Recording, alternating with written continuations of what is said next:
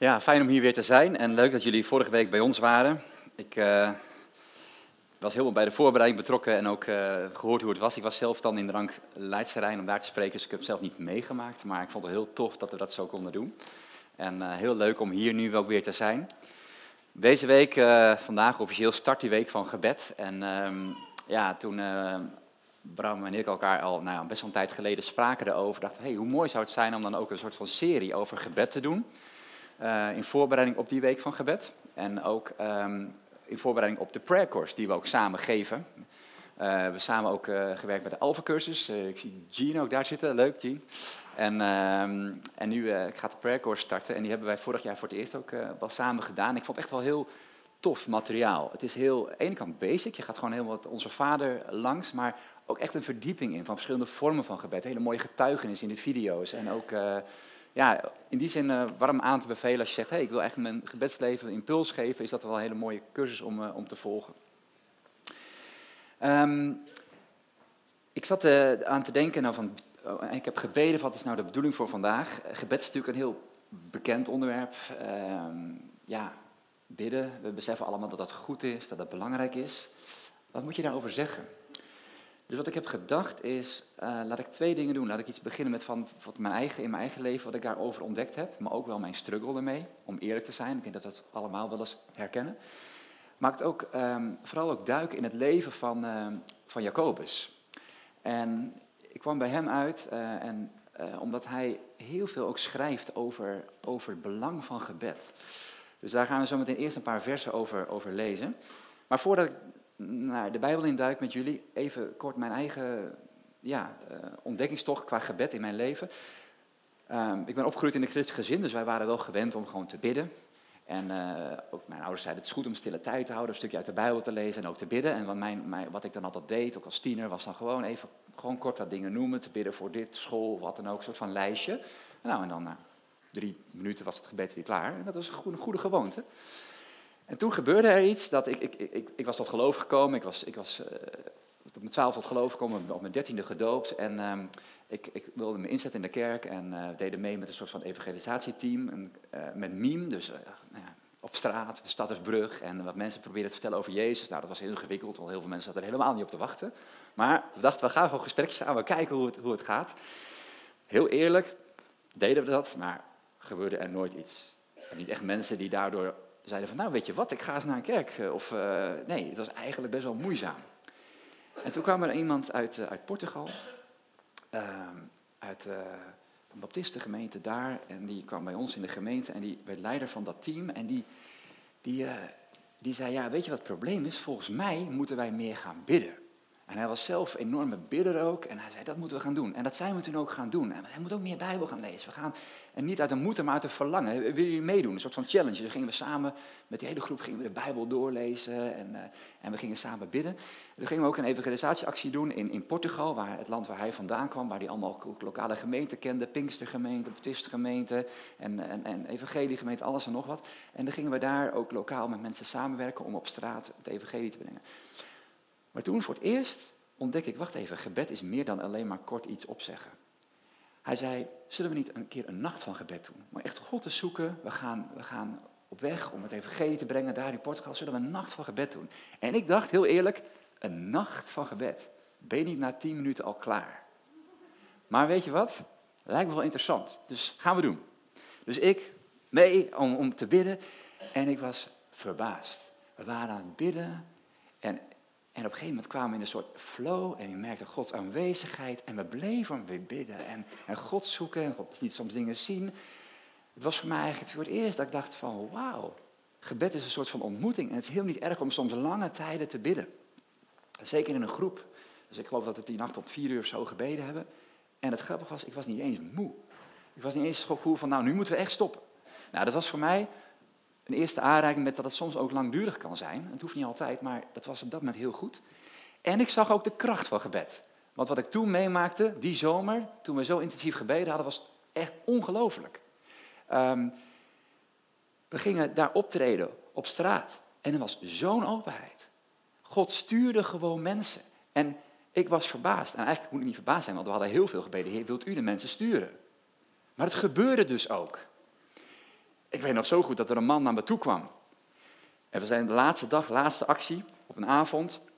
We hadden opgetreden. Ik had kort gezegd, jongens, eh, eh, wij zijn hier over Jezus te vertellen. Je hebt iets gezien in het stuk, misschien wil je erover doorpraten. Kom naar ons toe, we willen graag met je praten of met je bidden. En er kwam een man naar me toe, met tranen in zijn oog, en die zei, wil je hem over Jezus vertellen? Hij zei, ik, heb, uh, ik zit op een dieptepunt in mijn leven. Ik zit nu in een hotel. En mijn vrouw eh, is bij me weg. Ik lig in scheiding en ik, ik weet het even niet meer. En ik heb gisteravond uitgeroepen, God, als u er bent, als u bestaat, wilt u, wilt u laten zien wie u bent? En hij is gaan slapen en die nacht kreeg hij een droom. En in die droom zei God, morgen zul je mensen ontmoeten die je over mij zullen vertellen. En ik zag jullie spelen en ik wist, dit is het. Zeg me wat ik moet doen. Hoe kan ik God vinden? En ik stond echt met open mond. En dat is God. Maar voor mij was het ook een enorme les. Dat is de kracht van gebed. Zoveel doen we uit eigen kracht. En dat is, ik heb dat toen geleerd. Ik heb dat alles vastgehouden. Tegelijkertijd moet ik heel eerlijk zeggen dat ik het ook moeilijk vind om dat vast te houden.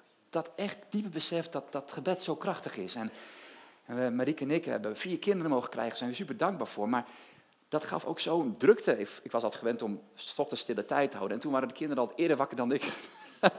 Wat doe je dan? Ja, dan zoek je een ander moment op de dag van rust. En, maar het is, het is niet altijd zo makkelijk.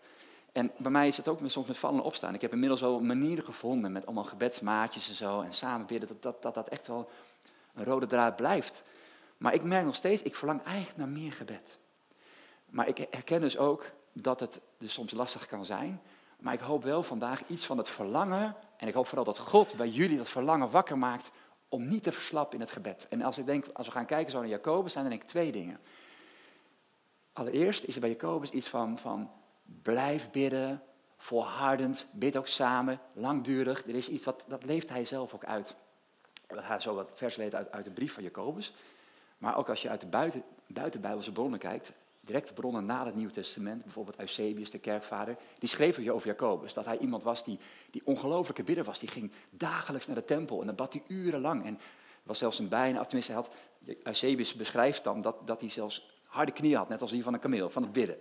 Ik weet niet of dat helemaal klopt, maar in ieder geval, het gaf iets aan.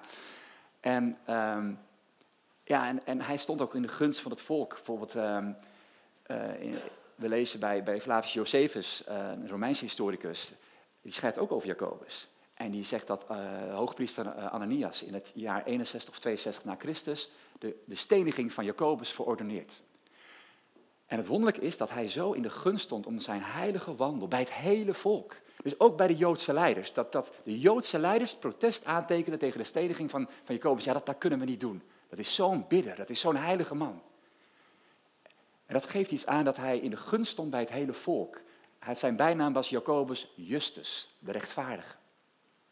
Nou, laten we eens over deze bidder gaan lezen.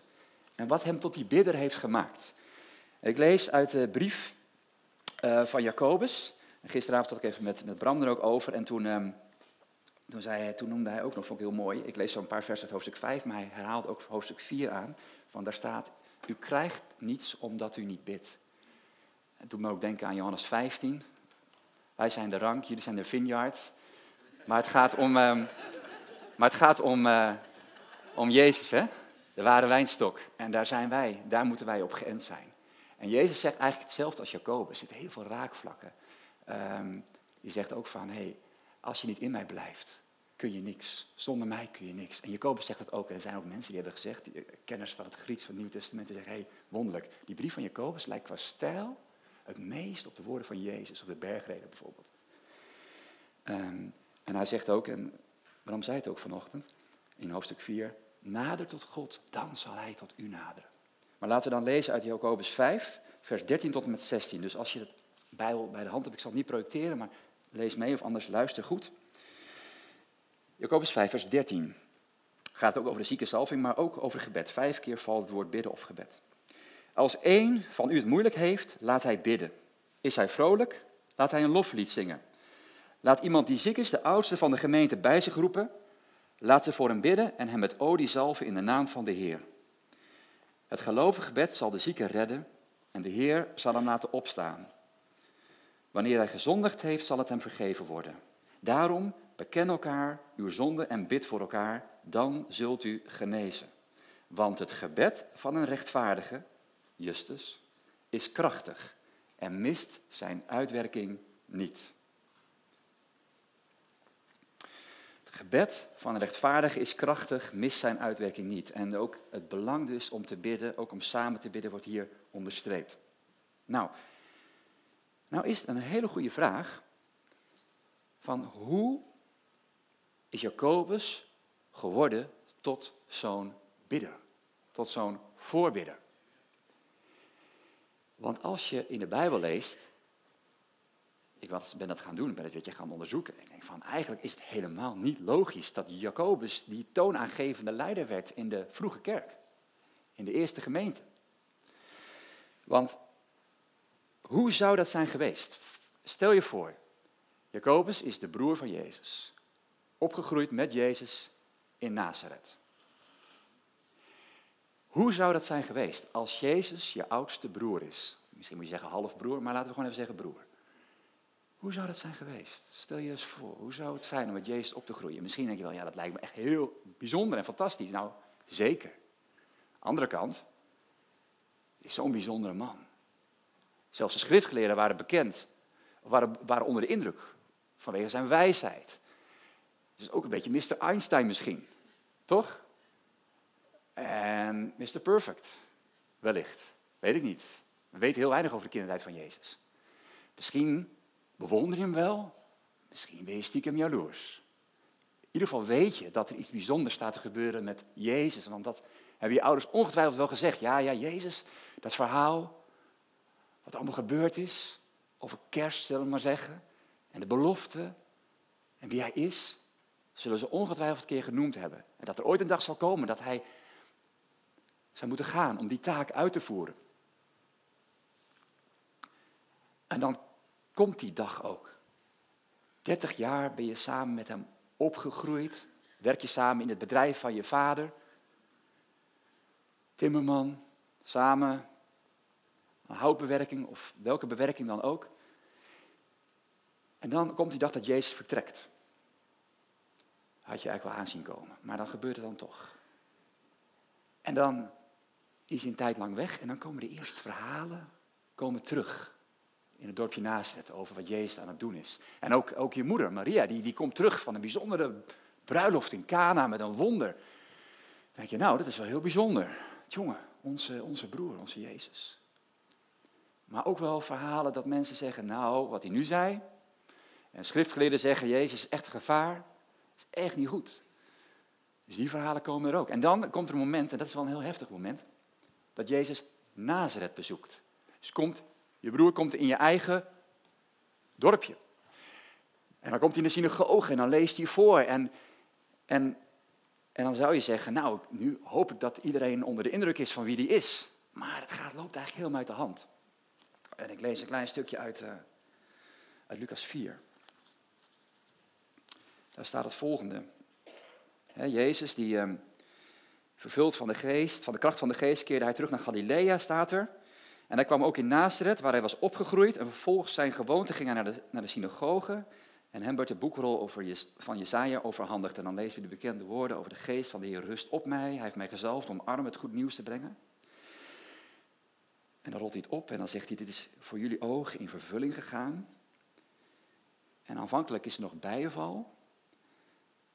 En ze zeggen ook wel van, ja, dit is toch de zoon van Jozef. En, um, en het, maar uiteindelijk eindelijk staat er toch van, hé, hey, uh, ga ze een beetje beproeven. Doe alles waarvan wij gehoord hebben in cavernum, dat u in cavernum is gebeurd, dat, doe dat ook in uw vaderstad. En hij vervolgde, luister, ik zeg jullie, geen enkele profeet is welkom in zijn vaderstad, vaderstad.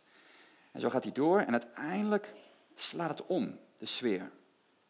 Toen de aanwezigen in de synagoge dit hoorden, ontstaken ze in grote woede en ze sprongen op en dreven hem de stad uit, naar de rand van de berg waarop hun stad gebouwd was, om hem in een afgrond te storten. Maar hij liep midden tussen hen door en vertrok. Dus zijn onderwijs landt niet. Het slaat om. En de aanvankelijke openheid slaat om in, in, in, in boosheid. Zelfs zo dat ze Jezus naar buiten drijven om hem in de afgrond te storten. En, maar dan, ja, dan, dan grijpt God als het ware in. En hoe dat precies is geweest. Maar ergens moeten al die ja, verstijven al die mensen, kan Jezus zo tussen door weglopen. Want zijn tijd is nog niet gekomen. Maar wat heftig moet het zijn voor zijn familie. Voor, zijn, voor, voor, voor Maria en voor zijn broers en zussen. En we lezen ook in, in, in Matthäus en Marcus over, over zijn bezoek aan Nazareth. En daar zien we hetzelfde gebeuren. En dan niet met dat afgrond erbij, maar wel, wel ook dat, dat, dat Jezus zegt, ja, een profeet is niet in zijn vaderstad geëerd en zijn huis geëerd. Dus zelfs in zijn eigen huis, eigen familie. En er staat ook dat, in die verse staat er ook zijn naam een aanstoot aan hem. En ik denk dat dat voor Jacobus ook een moeilijk moment is geweest. En op een gegeven moment is er zelfs een moment dat zijn familie zegt, we gaan ingrijpen. Jezus, dat wordt, dat wordt te link.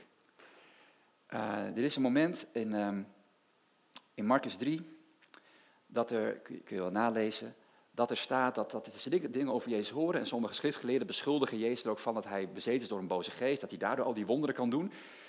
En dan besluiten ze, we moeten erheen gaan. En dan gaan zelfs Maria en de, en de broers van Jezus, waaronder Jacobus, wordt er ook genoemd, die, ehm, die, gaan, ehm, die gaan er naartoe om hem desnoods onder dwang mee te nemen, staat er. Desnoods onder dwang mee te nemen. En dan staan ze buiten het huis en dan zeggen mensen tegen Jezus van, ja, uw, uw, uw moeder en broers staan buiten. En dan zegt Jezus, al wie, de, al wie de wil van God doet, die is mijn, die is mijn moeder en mijn, mijn broeder.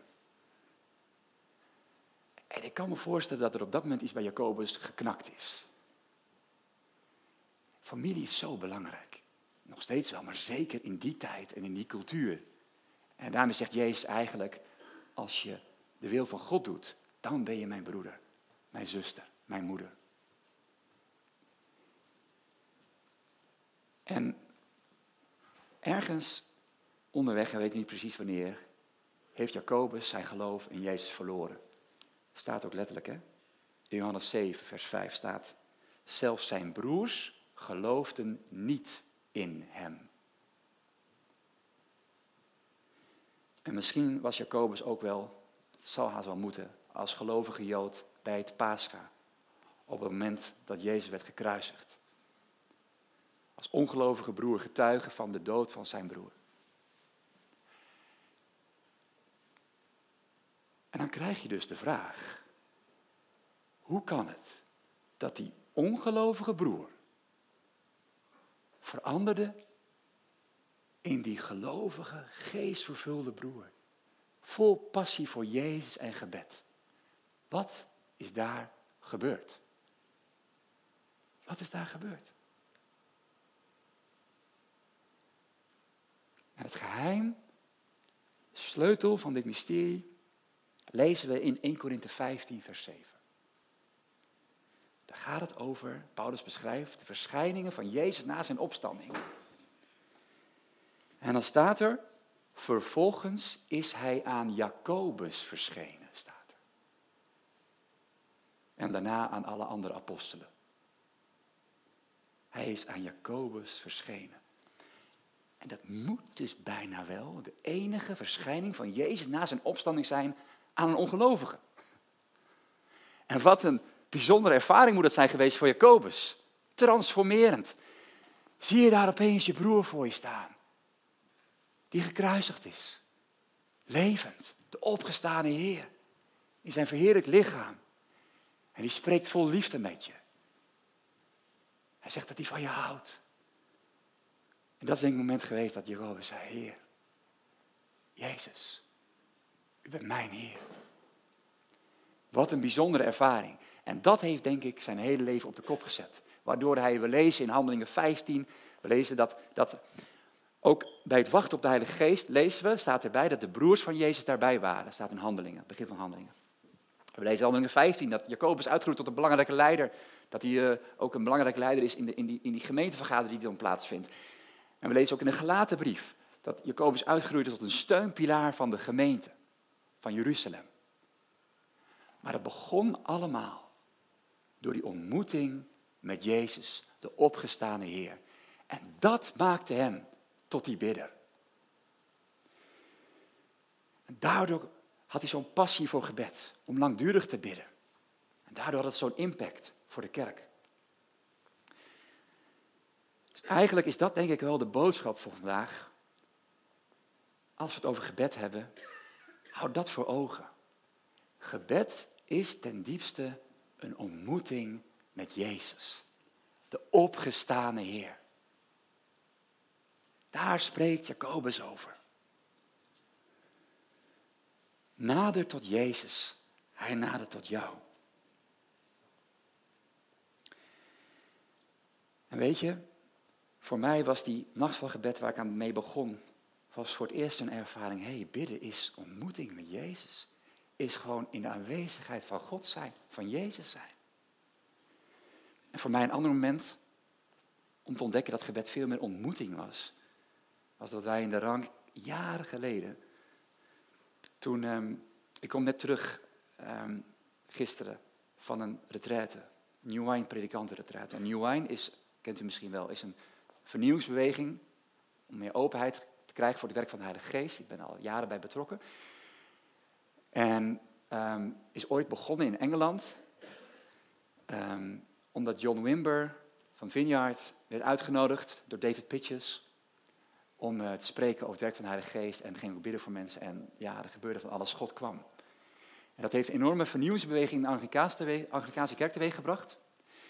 En New is in al, al, allerlei landen actief inmiddels, ook in Nederland sinds 2002 of zo. En um, voor mij persoonlijk heeft het ook veel betekend. Ik weet nog dat wij toen uh, aan het begin van die, dat ze net in Nederland gestart waren, was ik een medewerker samen met Marieke, mijn vrouw, we hadden nog geen kinderen bij de medewerker bij de conferenties. En daar heb ik zelf ook echt weer ervaring ook met God gehad.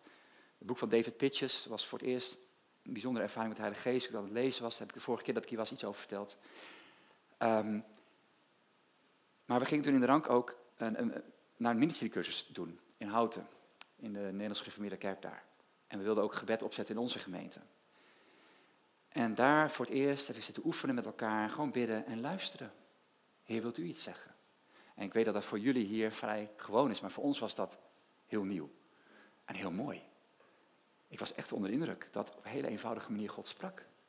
En zo zijn we ook in de gemeente vanaf toen gaan bidden voor mensen. En nog steeds doen we dat na de dienst. En ik, heb al jaren geleden aan het begin, toen ook een predikantenretreat gedaan, net als dit weekend weer. Dat is lang geleden, maar nu hebben we het weer gedaan. En ik weet nog dat, dat, dat ik onder de indruk was van hoe God soms zo duidelijk kan spreken. We zaten in een, in een kring. Ik zat, eh, naast mij zat een predikant-echtpaar uit een vrijgemaakte kerk. En uh, ik zat naast de, de, vrouw van die predikant. En we moesten een oefening doen bij die predikantenretreat van... Nou, bid of God iets wil laten zien voor diegene die naast je zit. Moet heel eerlijk zeggen, ik had er niet zo zin in. Ik was een beetje moe. Ik voelde me helemaal niet geestelijk. Ik dacht, nou, er gaat niks komen. Maar weet je wat? Ik doe het wel. Dus ik, uh, ik was stil. Ik zei, heer, nou, als u iets voor die vrouw wil laten zien. Nou, niks. Ik dacht, nou oké, dat, is, dat, is, ook goed. En toen opeens, toen opeens zag ik heel helder voor mijn oog, dat ik mijn oog dicht had. Heel scherp en helder zag ik een kinderboek, een prentenboek. Heel mooi, met platen. En ik zei, ja, tegen die vrouw, het enige wat ik aan moest denken, wat ik heel scherp voor ogen zag, was een kinderboek, een prentenboek. En ze begon te huilen. Ik dacht van ja, ik durfde het bijna niet te zeggen, want ik vond het een beetje raar eigenlijk. Maar voor haar klopt het. Want wat bleek nou? Sinds haar kindertijd had ze een droom om ooit een kinderboek, een prentenboek te schrijven. Wat was er niet van gekomen. En ze was ervan bidden. En ze dacht, misschien moet ik die dromen loslaten, want het gezin en alles vraagt te veel. Maar ze ervoer dat God tegen haar zei, nee, je mag dit doen. Ga het doen. Het is heel klein. Maar zo kan God spreken. En weet je, dan wordt gebed niet dat lijstje, maar wordt gebed ontmoeting. Dialoog. En dan wordt gebed ook fijn en belangrijk. En er zijn er soms doorbraken die je zelf niet kan doen. Ik heb het zelf ook zo vaak meegemaakt. Ons hele pastoraat is veranderd. Eigenlijk bidden we veel meer.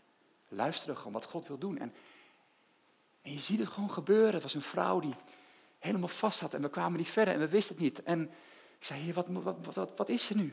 Ik was gewoon bidden in stilte in mijn hoofd en toen zei God, vraag haar naar het internaat. Opeens poep. Ik zei, um, ja, dat is heel gek, maar ik moet denken aan een internaat. En toen opeens kwam een herinnering bij boven, die was weggedrukt. En ze brak in huilen uit en bleek dat ze ooit op een internaat had gezeten, dat er iets heel ergs was gebeurd daar. En dat was een doorbraak. We konden daarvoor bidden voor genezing en herstel. En dat was een doorbraak op dat moment. Nou, zonder Jezus die dat laat zien, kan ik niks. Ik komen we niet verder, maar jij ook niet. Wij hebben het allemaal nodig. Daarom laat gebed dialoog zijn. Gebed ontmoeting zijn. Net als bij Jacobus. Dus voor mij is dat echt een ontdekkingstocht. En de afgelopen dagen was het heel bijzonder hoe God ook weer aan het werk was. Een groep met 40, 50 predikanten uit de PKN, allemaal reformatorische kerken, allemaal verschillende soorten kerken. En Gods geest kwam op een hele krachtige manier. Het was heel grappig dat er iemand was die, die zo zei, ja, ik heb niet zoveel met de Heilige Geest, met geestgaven. Maar toen werd er gevraagd, wilde iemand misschien de, de gave van tongentaal ontvangen? Kunnen we daarvoor bidden? En toen uh, zei nou weet je wat, ik wil het zelf eigenlijk niet. Maar ik zie dat iemand naast mij daar graag naar verlangt, dan ga ik wel voor hem bidden. dus die ging voor hem binnen. Terwijl hij aan het bidden was, begon hij in tongentaal te spreken. En ik vind dat zo mooi. En ik vind het soms heel eerlijk ook zoeken hoor. Want soms hebben we dit soort ervaringen en soms ook niet. En wat ik wel eens moeilijk vind, bijvoorbeeld in een alfacursus of andere dingen, dat je denkt van nou, dan deel, je dingen die God doet en dan hoop je het bemoedigd. En ik besef ook dat het soms een tijdje niet is. Of dat mensen iets, graag iets willen ervaren, maar dat er niet is. En dan denk ik, heer, waarom, waarom je dat niet? Waarom laat u het niet gewoon even zien? Ik heb er niet het antwoord op. En uiteindelijk moet ons geloof ook niet gebaseerd zijn op ervaring, maar gewoon op Jezus. Dat we zeggen, Hij is mooi, Hij is goed, ik wil Hem volgen. En dan komt er misschien vanzelf wel een keer zo'n moment. Maar ik weet wel dat het mee begint om gewoon Hem te zoeken. In het gebed, in de ontmoeting. En dan zal er een keer een moment komen, als jij nadert tot Hem, dat Hij tot jou, tot jou zal naderen. En dit is misschien wel een hele mooie week daarvoor, de week van gebed. Of misschien de prayer course of een ander moment. Of als je nog niet veel bidt, als je dat moeilijk vindt, als je zegt ik heb er helemaal geen tijd voor, vorm dan een gebedsgroepje. Mag ik nog één ding, eh, één voorbeeld stellen? Eh, dat is misschien wel een hele mooie. Want ik, wil niet, ik weet niet hoeveel tijd er nog is, maar laatste. Ehm, in onze gemeente, wij zijn een baptistengemeente, daar zijn best wel, um, ja, dat heeft vorige week gemerkt. Gewoon een baptistengemeente, misschien iets minder uh, vrij nog dan, dan jullie hier. Maar er is wel een groeiend verlangen om meer van God te ervaren, van zijn geest. Dat vind ik heel mooi. En ehm, voor mij was daar afgelopen jaar een bijzonder moment met, uh, met, met Pasen. Want we hadden echt problemen. Een probleem was dat we waarschijnlijk, jullie konden vorige week niet in het gebouw. Nou, wij konden waarschijnlijk niet meer in het gebouw ook niet in het, ons kantoor, want dat gaat uiteindelijk tegen de vlakte. Ook het gebouw leek al vanaf de zomer, inmiddels wat uitgesteld, maar leek niet meer toegankelijk voor ons. En we kunnen alleen nog maar een loket huren. Dan ben je afhankelijk of het wel of niet kan. Dus eigenlijk leken twee deuren dicht te gaan. We konden heel moeilijk een uh, voorganger jeugd vinden. We kwamen geen reactie op vacature. Ik miste eigenlijk geestelijk leven bij jonge mensen in onze kerk. Dus het waren echt uitdagingen. Dus ik ben er gewoon voor gaan bidden. En die week voor Pasen gebeurde er iets wat niet vaak gebeurt, maar wat wel heel bijzonder was. Midden in de nacht maakte God me wakker. Om um, drie uur was het ongeveer. Het was van woensdag op donderdag en ik, ik, ik werd wakker en God zei in mijn gedachten, ga naar beneden en ga bidden voor komende zondag. Dus ik ging naar beneden en ik heb daar een paar uur lang gebeden. En God was aan het spreken voor die zondag. En hij zei, Dirk Jan, in jouw gemeente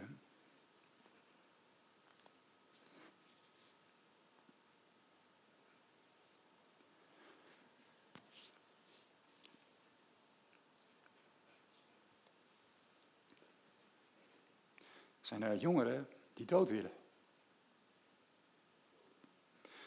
Die hebben gezegd, ik wil dood. Maar ik ben niet de God van de doden, maar de God van de levenden. Daar moet je zondag voor bidden. En niet allemaal dingen zien, wat er gebeurde.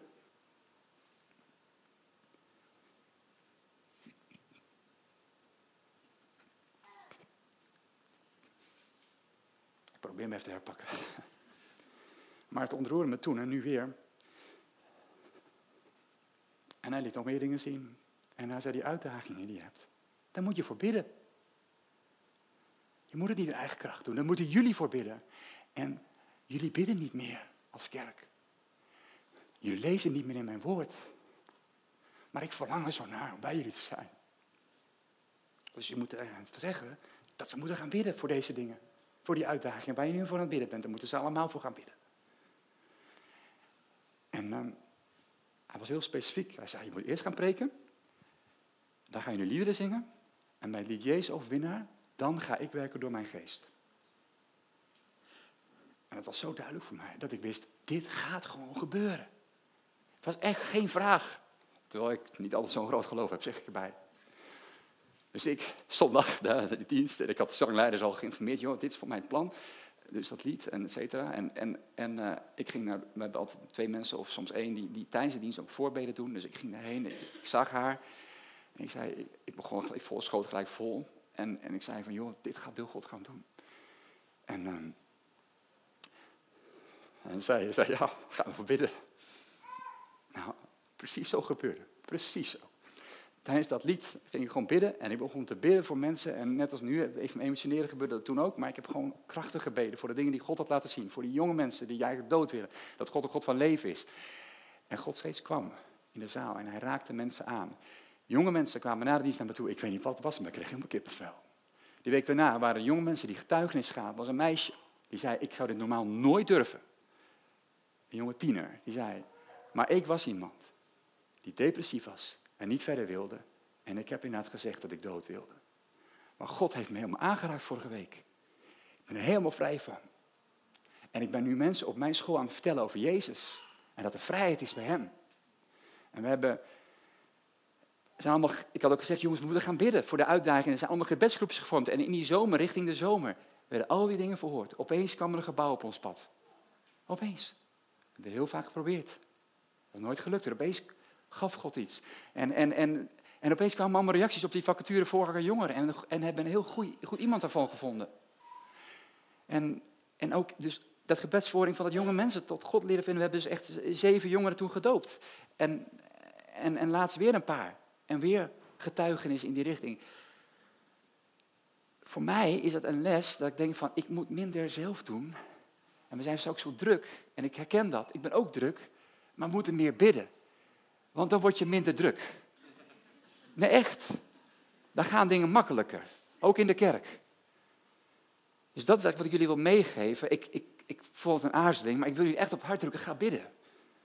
Doe dat, neem dat serieus. En als je het moeilijk vindt alleen, vraag dan iemand anders en maak een groepje van twee of drie. En bid voor de gemeente. Bid voor meer van Gods geest. Bid voor je leiders, bid voor, voor, de, voor de jeugd, bid voor iedereen. En daar zit een sleutel in. Want Jacobus zegt, het gebed van een rechtvaardige vermag veel, omdat er kracht aan ontleend wordt. En we zitten hier in een krachtstation. Er was een beetje water, maar laat het levend water stromen. Ja? Zullen we daarvoor gaan? Zullen we daarvoor bidden? Mag ik afsluiten met het gebed? Willen jullie gaan staan?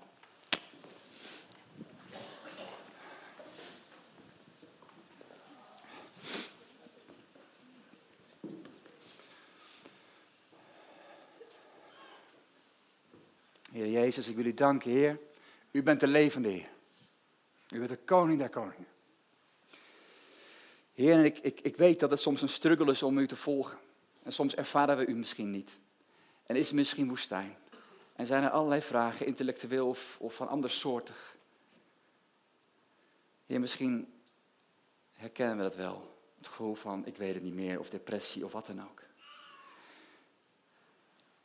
Heilige Geest, kom op dit moment.